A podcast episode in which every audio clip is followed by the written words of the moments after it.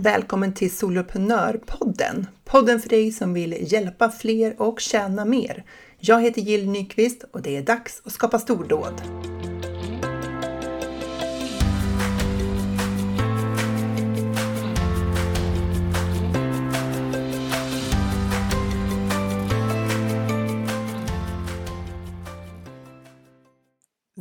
Vilket firande det blev förra veckan när jag hade liksom det hundrade avsnittet av Soloprenörpodden.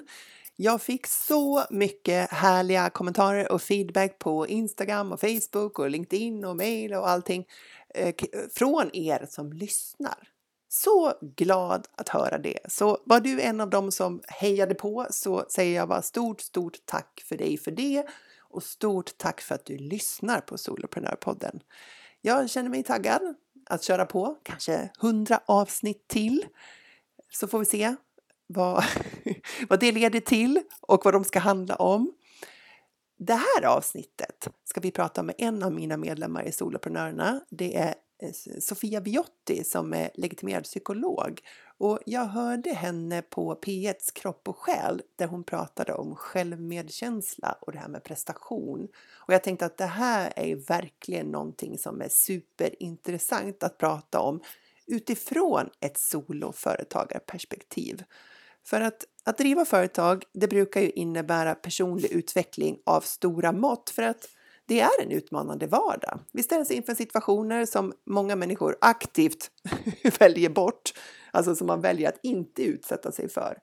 Och då tänker jag att det här med självmedkänsla verkligen är någonting som eh, är värt att eh, vara medveten om och också ha förmåga att koppla in när det, eh, när det behövs.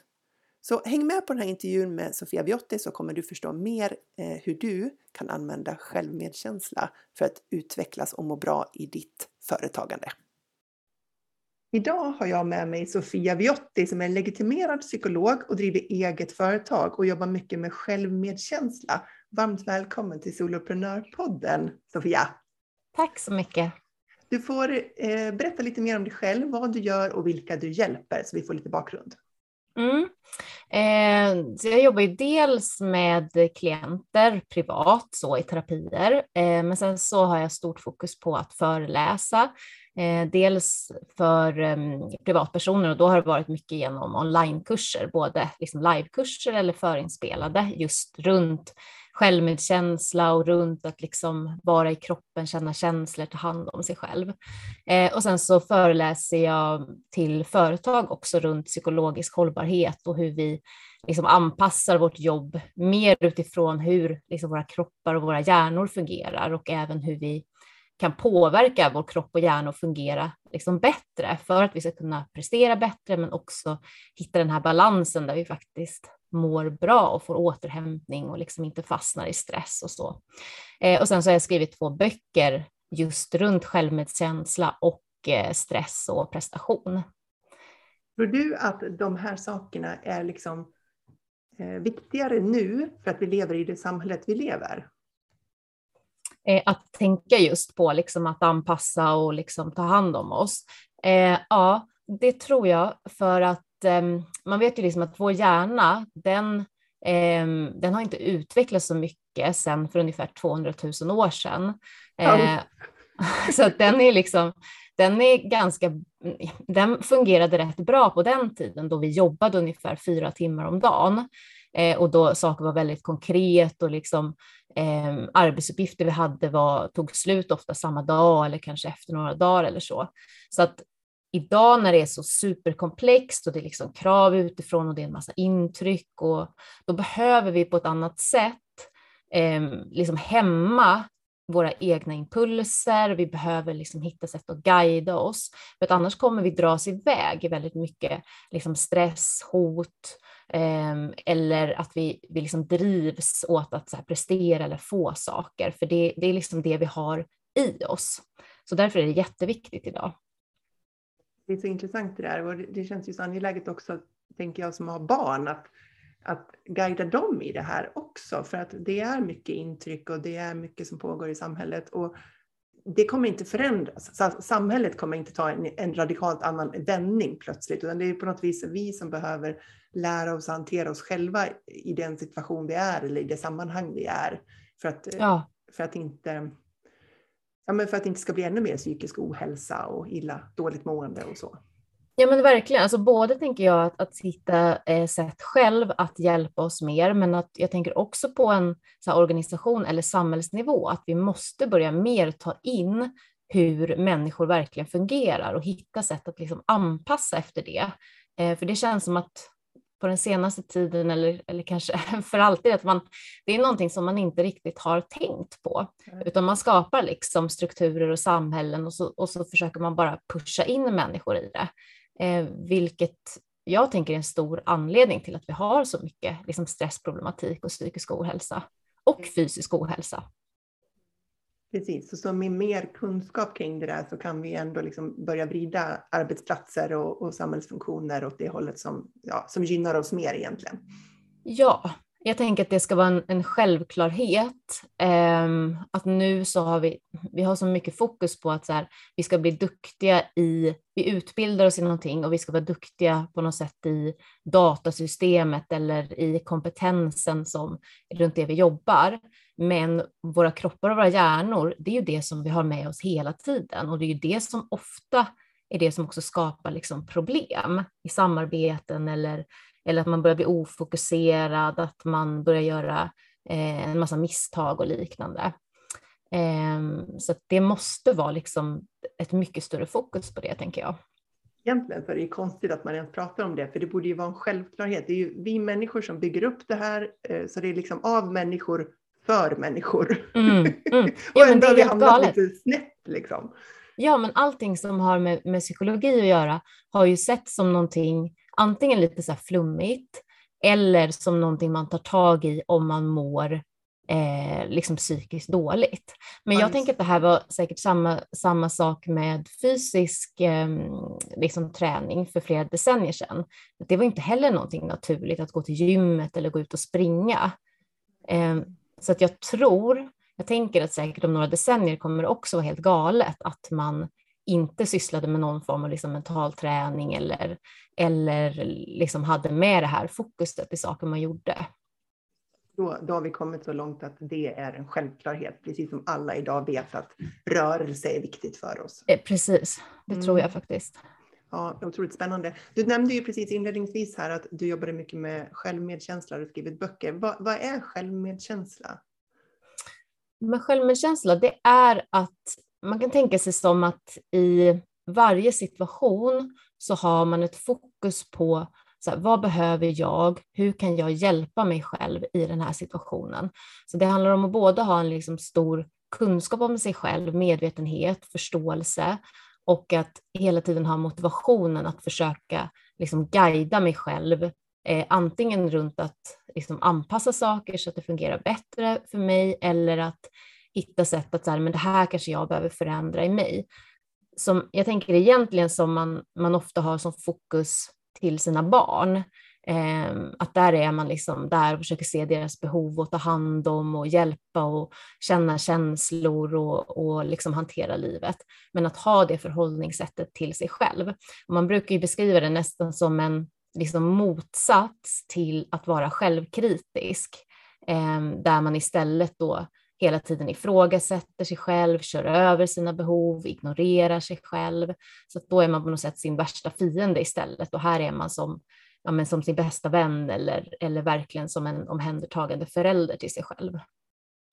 Ibland kan jag tänka att man kan hamna i tankar som att om jag inte är hård mot mig själv, då kommer jag aldrig få det gjort. Alltså att ja. det kräver den där piskan på mig själv för att jag tror att det är det som krävs för att jag ska få ett resultat.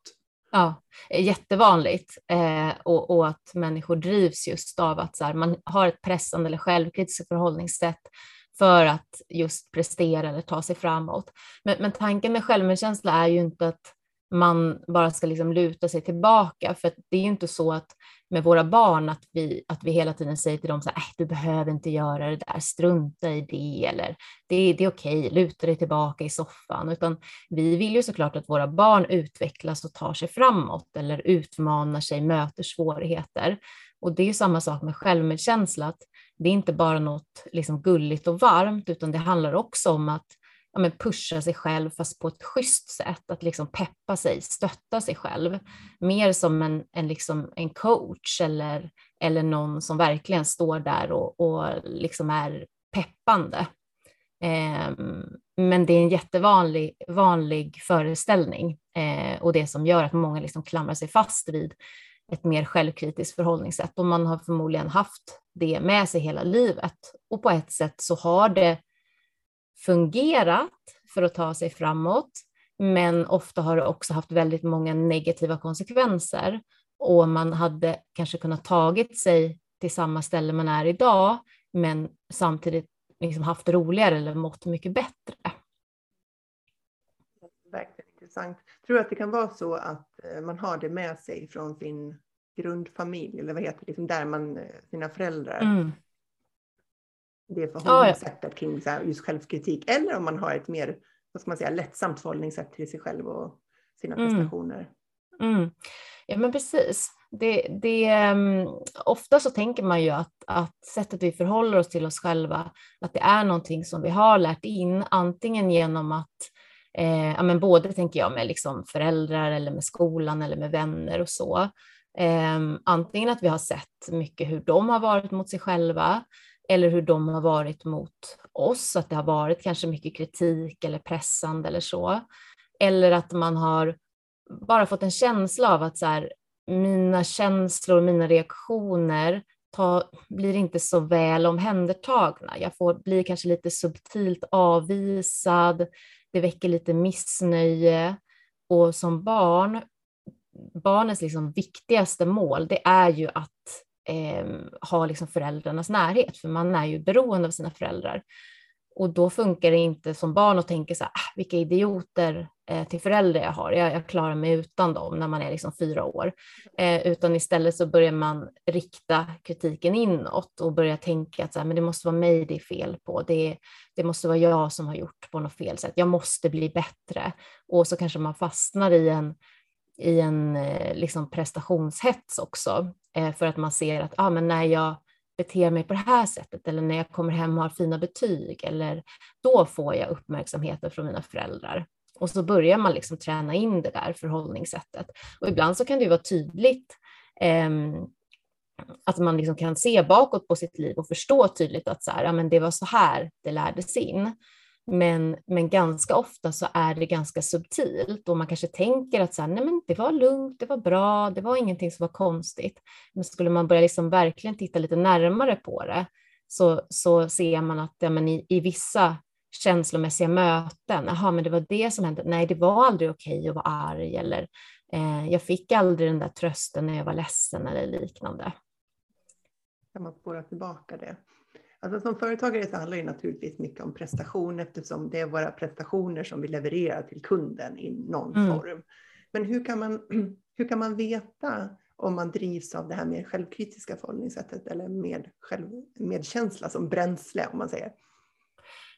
Ja, men precis. Nej, men det handlar ju om eh, att börja bli lite medveten om hur man faktiskt liksom tänker om sig själv eller talar till sig själv om det hela tiden är en röst som säger så här, men nu borde du göra det här eller ah, strunta i eh, att du har ont i nacken, nu måste du bli klar med det här.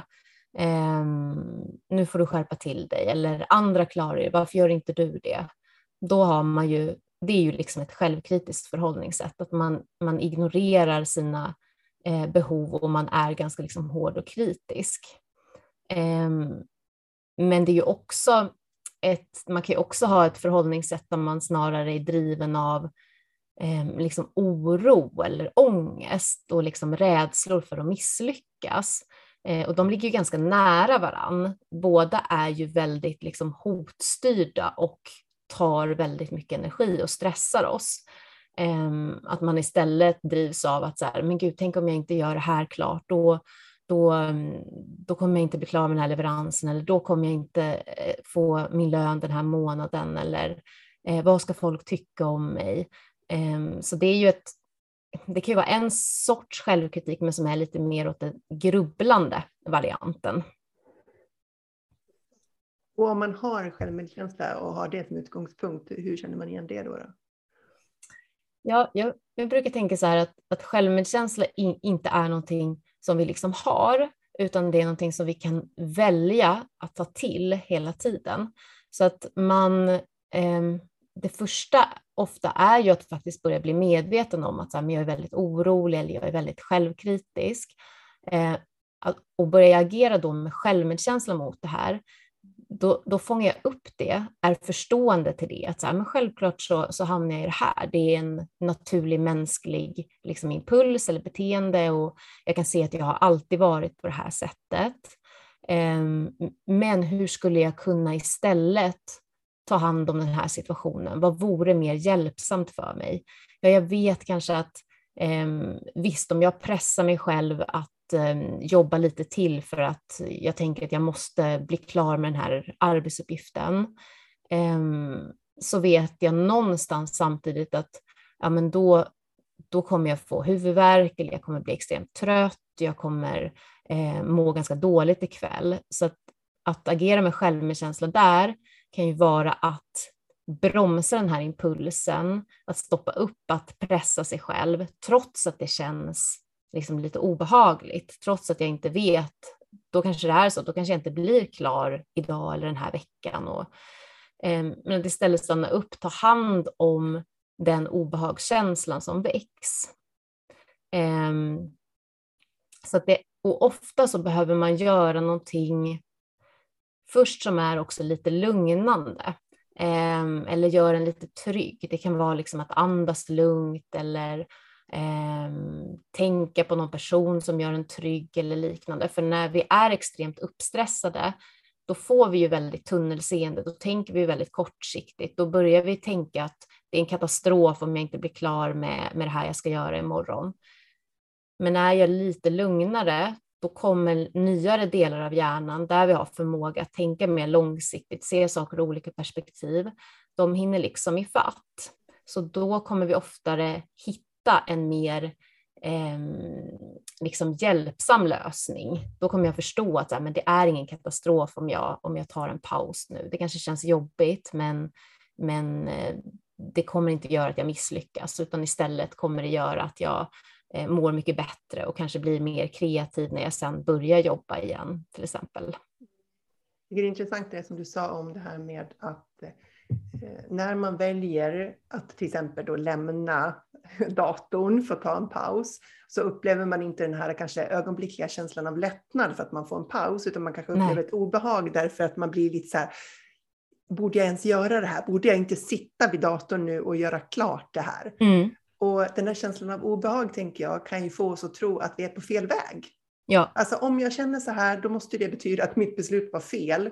Och, ja. och så känner vi att nej, men det här var inte rätt. Och så går vi tillbaka till det gamla sättet att agera. Mm. För att, för att liksom, det obehaget med ont i nacken, det kan jag hantera. Men det här är liksom inre obehaget kring att inte göra det jag tycker att jag ska göra. Det blir för jobbigt. Mm.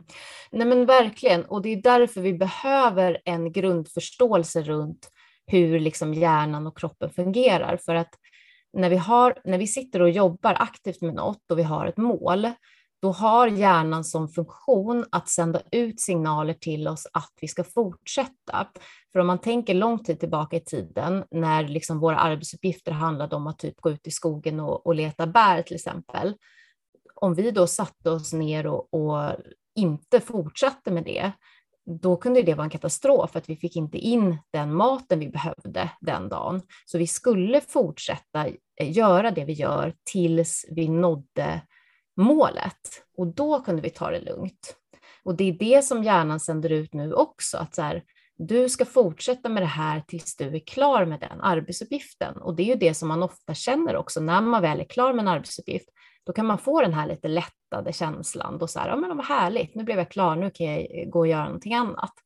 Men eftersom vi har sådana arbetsuppgifter som inte blir klara samma dag, utan det tar liksom lång tid.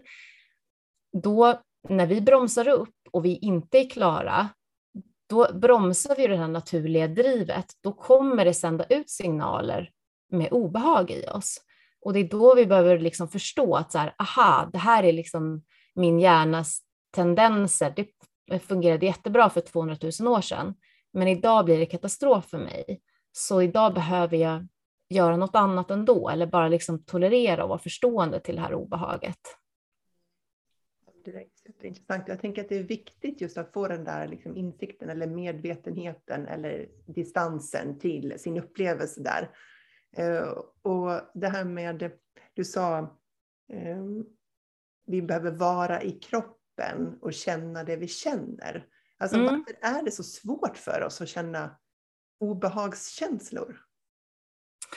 Alltså jag tror, alltså dels är det ju så här, vår, vår eh, hjärna är ju också skapad så att känner vi ett obehag eller upplever obehag så ska vi försöka lösa situationen eller bli av med det.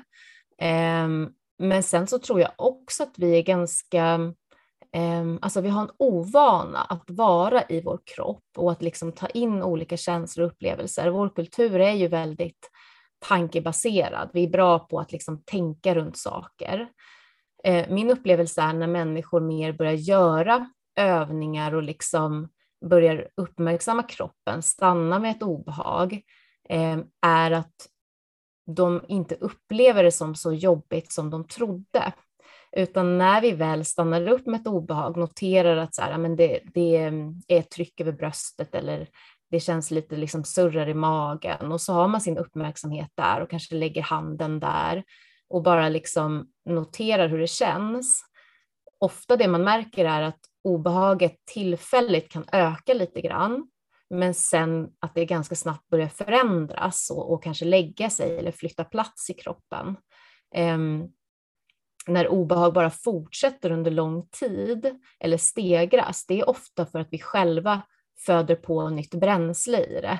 Att vi liksom fortsätter och, och ehm, vi oroar oss och vi börjar komma på en ny grej och vi blir lite självkritiska och vi, vi upptäcker något som inte fungerar. Eh, och det, det, där kan vara ganska svårt att... Eh, alltså man måste vara ganska medveten och studera sig själv, göra övningar för att få syn på att det är så det fungerar också. För när man är i de där tankarna, jag har ju jag har ju övat mycket på att hantera mina egna tankar och mycket i min roll som förälder eftersom jag lever med barn med, med eh, eh ADHD. Så hänt mycket. Och, eh, och just det där med att bli medveten, att se sina egna tankar, att på något vis lyssna på sina egna tankar.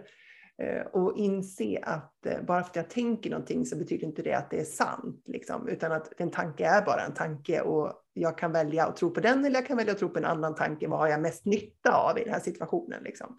För det finns ju gott om tillfällen när jag som har känt mig som världens sämsta förälder och, och då har det verkligen känts som att jag på riktigt är världens sämsta förälder. Eh, mm. och, och, då har inte jag sett något som jag gör som är bra. För jag har liksom fastnat i den där tanken. Och då mm. kan jag bli lite fascinerad över att så här, jag har gjort all den här träningen under så jätte, jättemånga år. Och jag faller ändå dit. Och så plötsligt kan mm. jag upptäcka att nu är jag ju precis där. Jag har liksom fallit i den där gropen igen. Och när jag är där, då är det som att jag inte har, då har tillfället tappat förmågan att lyssna på mina egna tankar. För då är jag bara helt uppfylld av känslan på något vis. Mm. Förstår du hur, jag mm. tänk, hur jag menar? Ja, ja.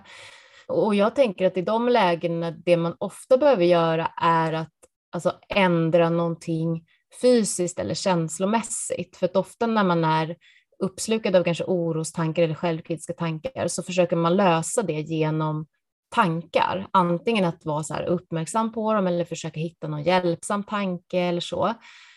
Men ofta om man istället hittar eh, liksom ett sätt att göra sig mer lugn och trygga sig, alltså att komma i kontakt med en känsla av trygghet, eh, det kan man ju göra på många olika sätt. Det kan ju vara att så här, lyssna på någon behaglig musik eller titta på någon film som gör en lite trygg eller prata med någon som man blir trygg av.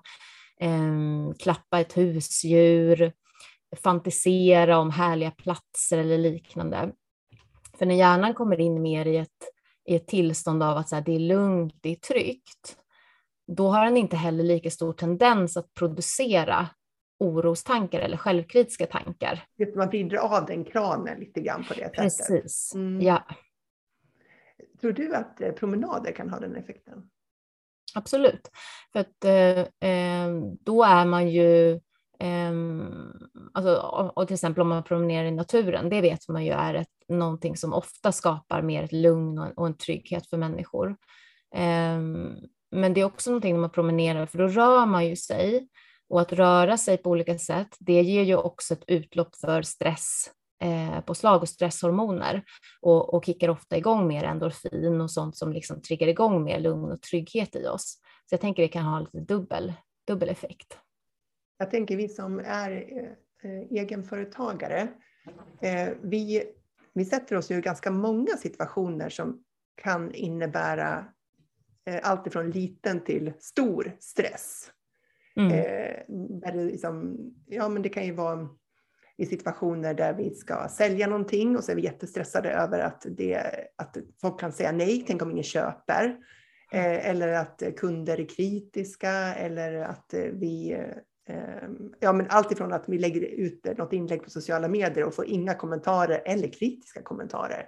Alltså det är mm. många, många saker i företagarvärlden eh, som vi upplever som, som är sådana här potentiella triggers för, för de här jobbiga känslorna. Ja. Så det känns som att eh, det kan man uppleva på vilken arbetsplats som helst naturligtvis. Men jag tänker att det, det ställer så stora krav att vara företagare för man ska liksom klara av så många områden. Ja. Eh, för man har inte eh, andra som täcker upp för en, utan om man inte har liksom ett team runt omkring sig så står man där själv med alla mm. de besluten och, och leveranserna och problemlösningen som är. Och då känns det som att just de här aspekterna som du pratar om nu, liksom att det här förmågan att lugna ner sig själv Eh, och, och använda kroppen som att ja, trygga den och sådär, är, är väldigt viktigt och angeläget för att man ska må bra över tid som företagare. Jo men verkligen, för jag tänker också som egen företagare, det är också mer känsligt för att det är ofta mer personligt, man har ofta investerat mycket i det. Um, ofta så, så är det ju inte bara man tänker inte på det som bara mitt jobb och sen så har jag mitt liv, utan ofta är det en så stor del av ens liv och någonting som man liksom tänker på kanske lite då och då under hela dygnet. Um, så jag tänker att det är viktigt också att ha en väldigt stor förståelse för sig själv, att um, precis som du säger, alltså, man, man är ensam om det ofta, man har investerat mycket i det, man också slänger sig ut i situationer som är just så här utmanande, man, ja. man ofta utvecklas hela tiden och, och man ska göra nya saker. Så att för, förmodligen så, Ehm, eller man har ju en risk att faktiskt uppleva mer stress och mer ovisshet och mer obehag än vad många andra gör i sina yrken. Eh, och jag tycker ofta bara den här grejen att, att ta in en förstående attityd till sig själv, det kan vara väldigt lugnande i sig. Istället för att man mm, efter ett tag bara börjar ta det för givet och tänker så här, ja, ja, men det här får jag väl klara av, det är väl det, så här det liksom är, utan se att nej, men shit vad tufft det här är, eh, vad modig jag är som ändå väljer den här vägen. Och, och eh, det kanske får vara så ibland att jag är lite mer orolig. Det är inte så att jag alltid måste hitta ett perfekt sätt att eh, liksom lugna mig eller göra att jag tänker på det på ett hjälpsamt sätt, utan jag kanske ibland faktiskt får tillåta att jag spinner iväg i oro eller att jag känner mig lite nedstämd eller ångestfylld eller liknande. Att man känner att man måste fixa det. Nej men precis, för det kan vara en fara i sig, att det mm. blir ytterligare en press då. Att så här, aha, men dels så ska jag eh, vara med om de här jobbiga sakerna och det ska vara utmanande. Och sen så vet jag ju att jag måste ju också vara liksom eh, vad är ett bra tankesätt eller känna bra, att det ska kännas bra eller jag ska vara motiverad. Att, eh, men man behöver få tillåta sig att det får vara jobbigt och att man får eh, inte vara så liksom, duktig på allt det där mentala hela tiden heller. Det är, det är, ja, det är inte lätt alltså. Eh, det, det, är många aspekter av allting. Eh, och jag har sagt tidigare i podden att jag har liksom övat mig på att, eh, att få ta, att vara i den här obehagliga känslan. Och mm. jag gjorde ett misstag här för någon månad sedan som innebar att jag fick mängder av upprörda personer som mejlade mig och det var liksom meddelanden och sådär. Och jag, jag, hade, jag hade gjort ett misstag och jag insåg det i efterhand. Eh, det var ett webbinarium vi höll och det var så många som inte kom in liksom. Och de hade ju som mm. hade det var jättemånga som inte kom in. Det var 800 anmälda och 100 kom in. Så du förstår Oj. att det, var, det var väldigt många som hörde av sig. Och då kände jag ju så akut, eh, så här, hjälp, vad har jag gjort liksom? Och de här, hade ju, de här människorna som hörde av sig, de hade ju så bokat av andra saker, skaffat mm. barnvakt och jag vet, jag fick ju så här, jag mådde ju jättedåligt den kvällen när jag insåg mitt misstag. Mm. Mm. Och så kände jag så här, och då, och då blir det ju så här, å ena sidan så var jag jätteupprörd över att så här, åh, vilket korkat misstag, hur kunde jag liksom missa det där? Eh, och tyckte det var jobbigt. Och så till sist så landade jag i så här, ja, här är vi då. Jag, jag är upprörd och besviken på mig själv för att jag gjorde det här misstaget och jag tycker det är jobbigt. Ja, då får jag vara det. Och de är upprörda och besvikna av sin sida för de hade förväntat någonting som inte är. Mm. Det är väl helt naturligt. Det är klart att ja. vi är besvikna på varsitt håll nu. Så jag är här ja. hemma och är besviken och upprörd och pratar med mm. mina barn så här, jag gjorde ett misstag och du vet så här, höll på och, mm. och, och reda om det här hemma. Och så tänkte jag att så här, alla de här personerna som, som är här, låt oss alla vara besvikna på lite olika håll här nu. Mm. Vi kommer mm. överleva det. Man överlever mm. att vara upprörd. Gud ja. Och jag tänker så hade de, hade de inte varit besvikna, då hade ju det betytt att de inte brydde sig så mycket. Alltså att besvikelsen kommer ju för att de var intresserade. Det kommer ju från början från en positiv känsla. Och, och samma sak att, att du känner alltså blir besviken och, och, kanske på något sätt känner någon form av skuldkänsla också. Mm. Det kommer ju också från en, en positiv känsla av att vilja hjälpa människor och att liksom ha skapat någonting. Så det tycker jag brukar ofta vara en, en hjälp att tänka på. att Finns det starka positiva känslor så finns det ofta liksom starka negativa känslor också. Mm. Eh, och att, att båda de behöver få finnas där. Det är lite befriande ändå att bara få så ja, och här mår jag dåligt. Ja. Och jag fattar att jag kommer inte må dåligt för all framtid, även om det känns så just ikväll. Mm. så mm. Och jag fick en dålig natts sömn, ja det överlever jag också. Eh, mm. och så inser man bara att så här, ja, det gick ju bra det där också. Men precis, konsten är ju att kunna skilja ut och se att ehm, just det där så här, ja men så här känner jag. Vi säger de som inte kom in. Om, om de tänker så här, um, ja men gud vad besviken jag är och jag blir liksom lite irriterad på henne, hon borde kunna fixa det här. Men okej, okay, jag fattar, jag kan ta ansvar för min känsla. När det börjar bli problematiskt mellan människor, det är ju när människor blandar ihop det där och börjar tänka att så här, vilken idiot hon är, hon kommer nog, hon kommer inte fixa det här någon gång eller liknande. Eller när vi själva fastnar i jättesjälvkritik och tänker att så här, ja men det här, vad dålig jag var och, och det här, det kommer säkert hända igen. Jag kommer aldrig klara av det. Jag gör alltid så här. Liksom. Precis. Mm.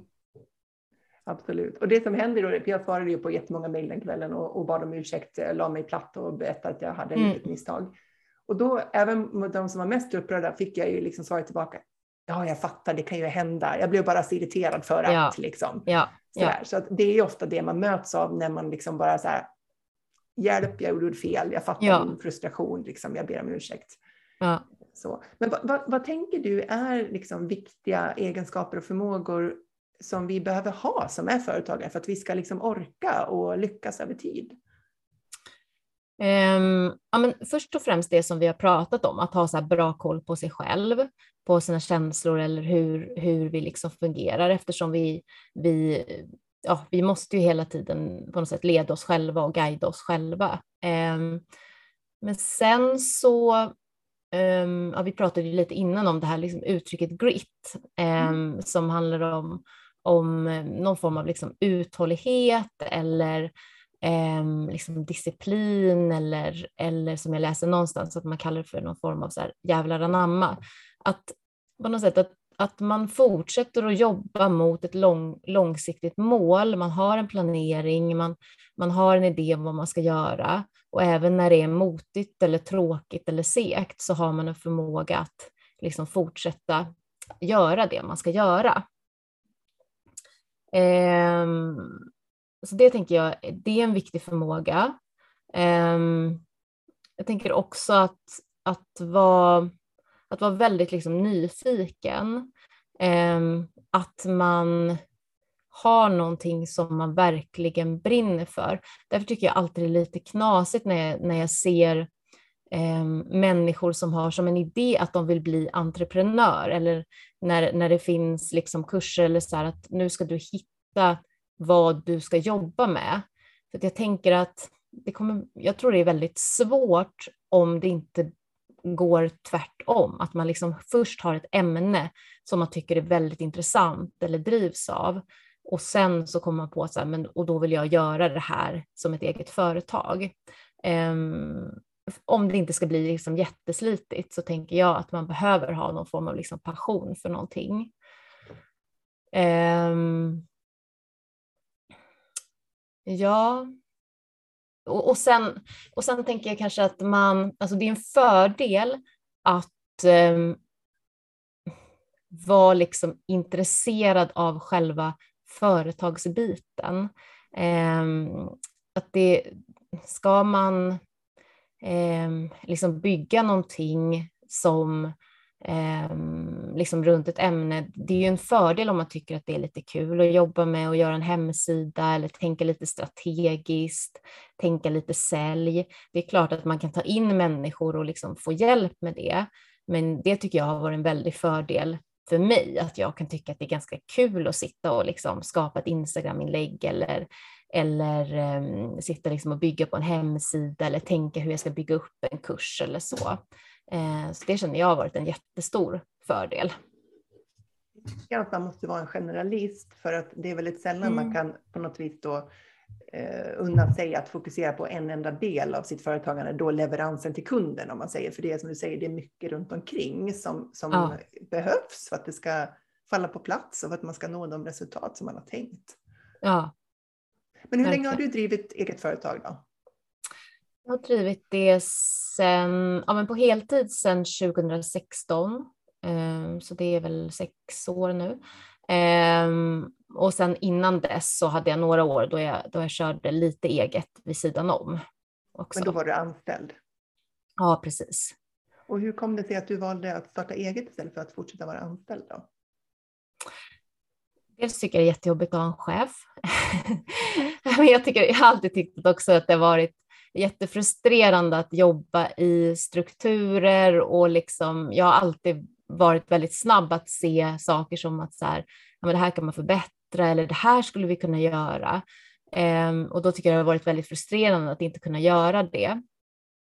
Sen så, ehm, ja, jag, jag tycker det är fantastiskt att kunna ha friheten att själv välja ehm, liksom så här, den här halvåret vill jag jobba med den här typen av projekt eller nu känner jag lite mer för att göra det här.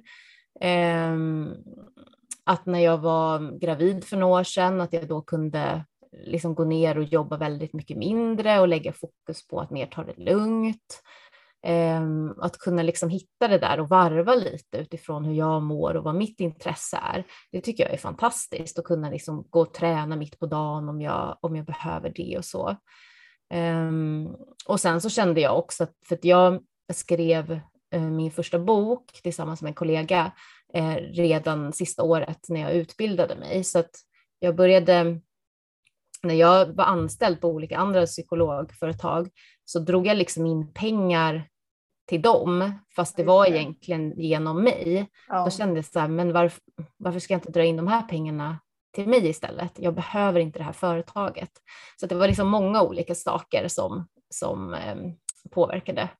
Eh, och det, ja, nej, jag tycker bara det var härligt. Jag sitter på ett ställe där ehm, det sitter andra psykologer också, så att jag, jag behöver inte vara, ha det här att man, att man blir så ensam, utan jag har kollegor, men man kan liksom välja om man vill samarbeta och man, man ehm, kan träffas på liksom raster och på lunchen, men man är inte så här beroende av varandra och man har ingen, ingen struktur att, att behöva förhålla sig till.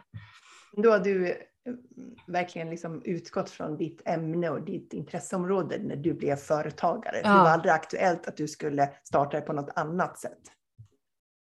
Hur menar du då? Starta? Skulle, att ditt företag skulle handla om någonting annat än Aha, just psykologi? Nej, nej, precis. Nej. Eh, har du upptäckt någonting om dig själv nu när du har varit, jag tänker du, du hade ju jättemycket kunskap inom det här ämnesområdet såklart innan du blev företagare. Men har du mm. upptäckt saker om dig själv som du kanske inte riktigt hade lika bra koll på som anställd nu när du har varit egen? Um, kanske eh, att det i perioder är um, ja, men kan vara lite svårt att stå emot de här impulserna av driv och eller lite oro när det är någonting som kör ihop sig. Att, då, att inte sitta med det på kvällen eller på helgen. Eller rättare, hålla ramarna. Ja, liksom. ja, eller rättare sagt, jag håller inte ramarna när det, inte när det är någonting som är, um, jag känner jättestarkt för som är jättelustfyllt eller när det till exempel är något eh, tekniskt strul eller någonting som jag känner att så här, Åh, det här måste jag få till för att jag kan inte ha en hemsida som ser lite halvdan ut i, i en månad. Liksom. Um, då släpper jag på ramarna. Men, men, um, och det har ju blivit tydligare när man är egen. Liksom. Det, när man är anställd så känns det mer, tyckte jag det kändes mer motigt att tänka att jag skulle sitta och jobba på min fritid. Liksom. Mm. Ehm, men jag tänker samtidigt att det är, det är väldigt viktigt som egen företagare att absolut, jag tror inte vi har en enda egen företagare som inte um, liksom sitter ibland och jobbar kvällar eller helger eller så, eller tänker på sitt jobb utanför liksom 8 till 5. Men börjar det bli så konstant, då är det ju extremt slitigt och väldigt liksom risk för stressproblematik.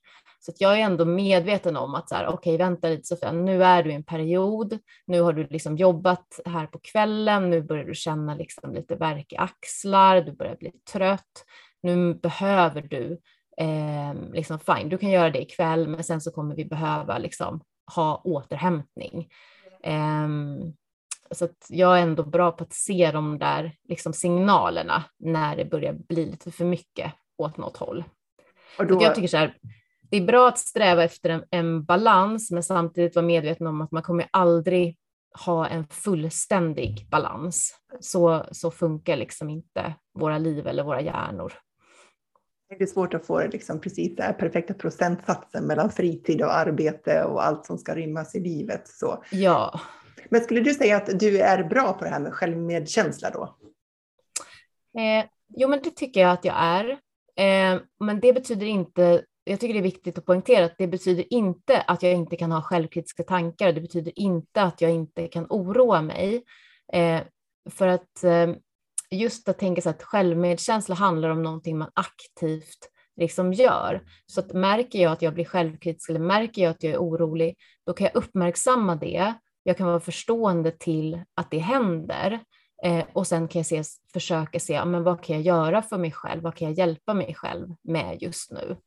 Ehm, för att ibland så tror jag att människor liksom fastnar lite i det där och tänker att ja, antingen är man självkritisk eller så är man självmedkännande. Och är man självmedkännande, då ska det inte finnas någon självkritik eller då ska det inte finnas någon oro. Um, och det, det är ju omöjligt. Liksom. Det finns inga människor som är på det sättet. Nej. Och det, det jag tänker att det är hjälpsamt också att tänka att självmedkänsla är någonting som man gör. Liksom. Mm. Att, att man kopplar på när man behöver. Ehm, för det gör ju att man kan aktivera det när helst man blir medveten om att man har lite grann tappat, tappat greppet eller kört i diket liksom, och blivit mm. onödigt självkritisk. Ja, och, och jag tänker också så här att om, om det är någonting man praktiserar och övar på, då blir det också till slut någonting som mer automatiskt finns där lite hela tiden. Att det är som att Ehm, man har sin hjärna och sin kropp som dras åt lite massa automatiska impulser, men samtidigt har man ett medvetande som hela tiden liksom har lite koll på sig själv. Så här, vad händer just nu? Okej, nu händer det här. Mm, nu känner jag mig lite nervös. Hur kan jag hjälpa mig med det? Liksom? Så att man har något som är där och hela tiden liksom hjälper en att reglera och liksom rikta in en lite mer på, på en hjälpsam väg. Det krävs ju jag tänker att man, som, man, man driver företag, man har någon form av mål, antingen liksom tydligt formulerade eller också är det någon riktning man har och man är sällan där, liksom, för man är alltid på väg. Ja. Och eh, då, då känner jag att det blir någon slags växelverkan mellan att vara på väg, vilja utvecklas och förbättra sig, förbättra sina leveranser till kunder eller liksom lära sig nya saker eller vad det är. Eh, och, och, vara i den liksom, drivkraften av utveckling och förbättring. Mm. Och samtidigt kunna uppskatta det man faktiskt har åstadkommit så här långt, vad man har lärt sig hittills, mm. vad man faktiskt levererar här och nu, även om det mm. inte är perfekt och även fast man inte känner sig färdig eller man har inte nått sina mål, utan att man på något vis måste kunna stå med ett ben i varje där, ett ben i så här, ja. himla bra gjort av mig här och nu. Det är inte perfekt, men det är bra liksom. Och, sen, och jag har mm. allt det här framför mig som jag också vill uppnå, jag är inte färdig.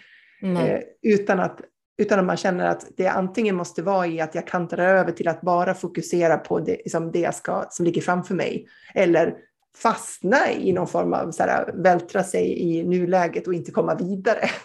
Ja, ja.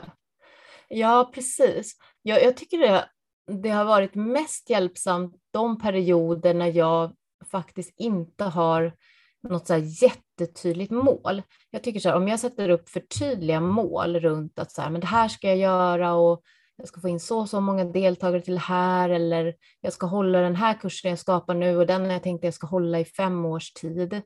Då tycker jag det automatiskt, då börjar det bli mer det här att man börjar jämföra, man har fokuset framåt någonstans.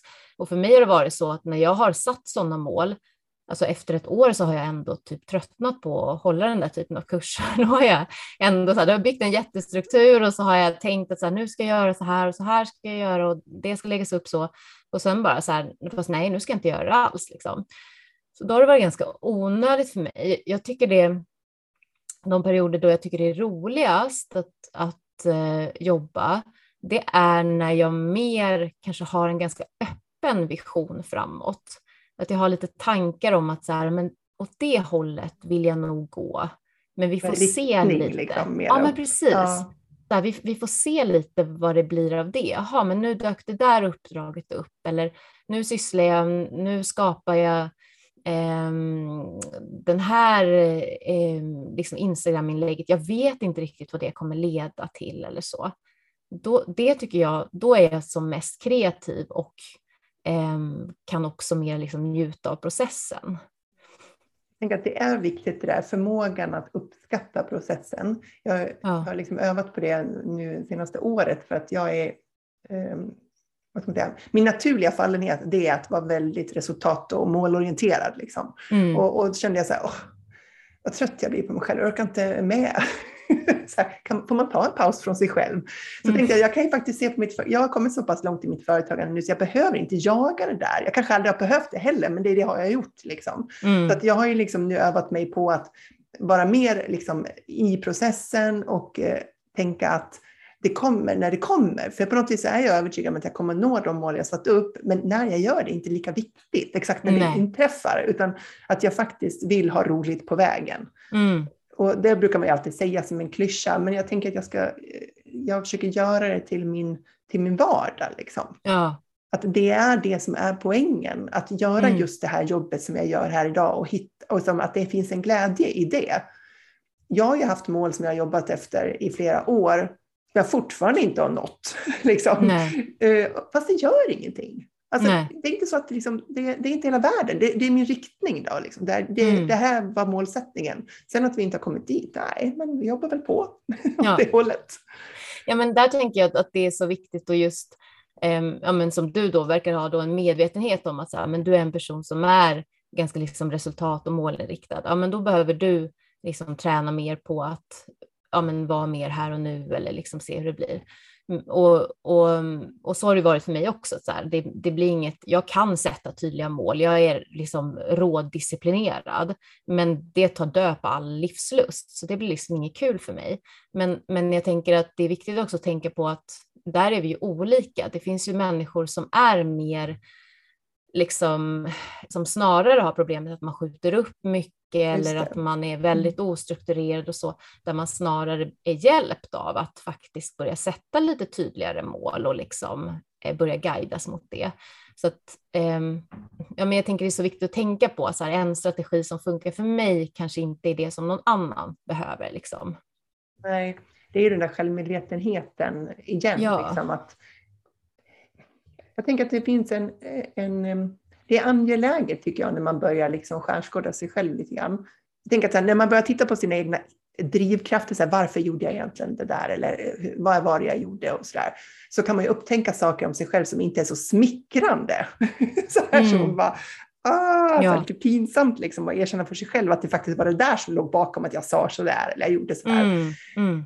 Och jag tänker att det handlar om någon form av så nyfiket utforskande i det där. Att så här, mm. Jag vill utforska varför jag gjorde som jag gjorde och när jag kommer fram till det och konstaterar att det kanske inte var en så smickrande liksom, drivkraft bakom det, så får det vara så. Alltså att ja. inte lägga på det här dömandet på det utöver det då, utan man Nej. bara konstaterar att jaha, det var det det handlade om, intressant. Ja, men då, det är ju verkligen självmedkänsla, tänker jag. Okay. Att, liksom, att kunna ta in att eh, vi människor är på en massa möjliga sätt och, och väldigt många sätt vi är på är inte sånt som stämmer överens med våra värderingar, utan så här, vi är avundsjuka, vi är ångestdrivna, vi drivs av att eh, få bekräftelse från andra och, och, jag tänker att det finns inte en enda människa som inte gör det. Men av någon anledning så tänker man att så här, oh nej, men det, så ska det inte vara, utan jag ska drivas bara av att jag vill göra väl och, och, och tjänar jag lite pengar så är det ju, det är bara en bonus, men det är ju absolut ingenting som jag vill. Liksom. Och, och jag blir alltid jätteglad när, när det går bra för alla andra, även om det inte går bra för mig. Alltså, men, och det är ju så här, så, ja men absolut, det har man ju ofta som värdering. Men så fungerar vi ju inte känslomässigt, för vi är ju ganska liksom, som primitiva djur. Och kan man ta in det och vara liksom tolererat så här, ja, men där dök den där avundsjukan upp. Och också se att man ofta har flera motiv samtidigt. Jag drivs ju av att jag vill hjälpa människor, men jag tycker också det är jättehärligt att få kicken när någon säger, gud vad bra du var Sofia. Ja, precis. Så det är liksom inte antingen eller. Det där, just det där med att det inte är antingen eller, det är verkligen en superinsikt. Ja. För på något vis så, så det, verkar det vara lätt att hamna i det här kategoriska tänkandet. Antingen så är jag en god människa och då finns mm. inte det här med. Eller också är jag en mm. ond människa för att jag inte har det där utan jag har det här. Ja. Eh, och det känns väldigt befriande när du beskriver så här, men vi, vi har alla de här grejerna i oss och det stämmer inte ja. alltid överens med våra värderingar, våra uttalade värderingar för andra eller inför oss själva. Eh, och, och det handlar om att vi är människor, ingenting ja. annat. Ja, nej men precis.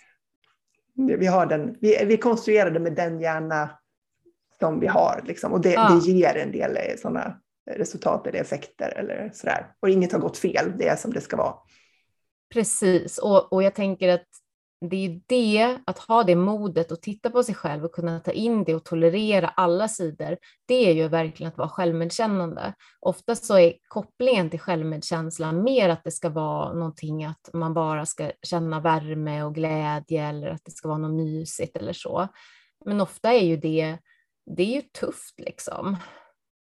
Det är jättetufft att ta in liksom sånt som är mer mörkt och, och liksom jobbigt i sig själv det blir ju så mycket lättare att ta in det om man har övat sig på att inte värdera det. Mm. För, det för det är väl där det blir jobbigt, att man tänker att, att jag är en usel person som känner det här eller som blir arg för mm. det där eller sådär. Ja. Utan att man kan liksom bara titta på det lite neutralt och konstatera att det finns där och så fortsätter man med sin dag. ja, men, men att också vara förstående till när självkritiken dyker upp. Mm. Så att man inte blir självkritisk till att man är självkritisk, utan att också det kan få finnas samtidigt. Att jag kan se så här, jaha, men här dök det upp en självkritisk tanke som sa så här, men oh, Sofia, varför sa du där? Det hade väl varit bättre om du hade uttryckt det så där. Ja, men samtidigt kan jag se så här, det var en tanke som dök upp. Men, men jag behöver inte göra så stor grej av det. Liksom. Jag behöver Nej. inte sugas in i det. Liksom. Nej, det är det där med ältandet. Jag mm. försöker slå ett slag för att älta våra framgångar och det vi tycker är bra och det positiva.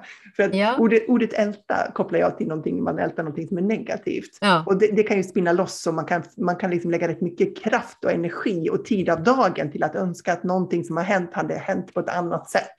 Mm. Även om vi inte kan förändra historien på något enda sätt. Men tänk om vi kunde lägga samma liksom, energi och snurr på tankarna kring sånt som, som är bra. Mm. Skulle inte det vara mm. skönt? Jo, men absolut, och då behöver man nog göra det mer liksom, medvetet eftersom vår hjärna eh, liksom, den dras automatiskt ner till negativa saker. Så är det för alla. Så att ska vi välja mer liksom lugn, trygghet eller positiva saker så behöver vi mer liksom aktivt välja in det. En sak som jag ändå skulle vilja kommentera i, i, innan vi ska avsluta, men innan det, liksom, det är ju det här med att jag, jag tycker att det känns angeläget för mig att konstatera att mitt liv behöver inte vara 100% goda, positiva och lyckliga tankar hela tiden. Inget har gått fel för att man upplever det som är negativt eller jobbigt eller liksom så att livet på något vis måste få innehålla både och för att det ska vara ett mm. helt liv. Vad tänker mm. du kring det? Ja, ja, verkligen. Absolut. Um... För på något vis så är det som att vi hela tiden strävar efter att vi ska vara så lyckliga, vi ska vara glada, vi ska ha harmoniska och allt som inte är det är en avvikelse och jo, liksom något har blivit fel det är ett jätteproblem, tänker jag, i vår, i vår kultur och vårt samhälle idag. Och, och det man märker är ju att ju mer mår man dåligt på något sätt, ju mer man försöker så här, försöka vrida på det, tänka positivt runt det, försöka så här, men ja, men jag har ju det här också så. Ofta så, så gör det bara att man är i en kamp med sig själv. När man mer börjar ta in att så här, ah, det känns skit just nu och kanske kan vara ärlig, ärlig med någon annan också. Att så här, Nej, det är faktiskt väldigt jobbigt nu. Jag är inte glad, jag känner mig ångestfylld, jag är irriterad då brukar det också släppa lättare eh, och faktiskt mer automatiskt öppna upp för att man eh, liksom kan se den där solnedgången eller, eller börja tänka någon så här, åh vad härligt det är att umgås med den här personen. Men det blir liksom inte det här krampaktiga att jag aktivt måste ta mig till det där, nu måste jag tänka på något positivt, utan, utan eh, ju mer tillåtande vi är till allt så kommer det också öppna upp mer för det. Fantastiskt intressant. Du, om man nu vill eh, ha blivit eh, eh, galet intresserad av det här spännande ämnet, vart, vart, kan man läsa mer om dig och var hittar man dig? Eh, ja, men jag har en Instagramkonto som heter psykolog Sofia Viotti, så där så lägger jag upp ehm, inlägg runt självmedkänsla mycket som liksom tips och, och lite övningar och, och inspiration så. Eh, och sen så har jag en hemsida som heter sofiaviotti.com. Tusen tack för att du ville vara med i Soloprenörpodden Sofia. Ja, men tack själv. Och så hoppas jag att du som lyssnar kan kanske se att det här med självmedkänsla kan vara din väg till stordåd.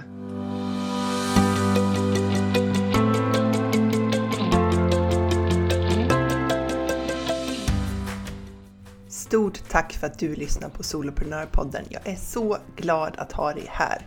Du får jättegärna lämna mig en review på iTunes och ratea podden. Ge den fem stjärnor om du tycker att den är värd det, så hjälper du mig att sprida den till fler. Eller varför inte ta en skärmdump på det här avsnittet och tagga mig på en story på Instagram, solopreneur.nu.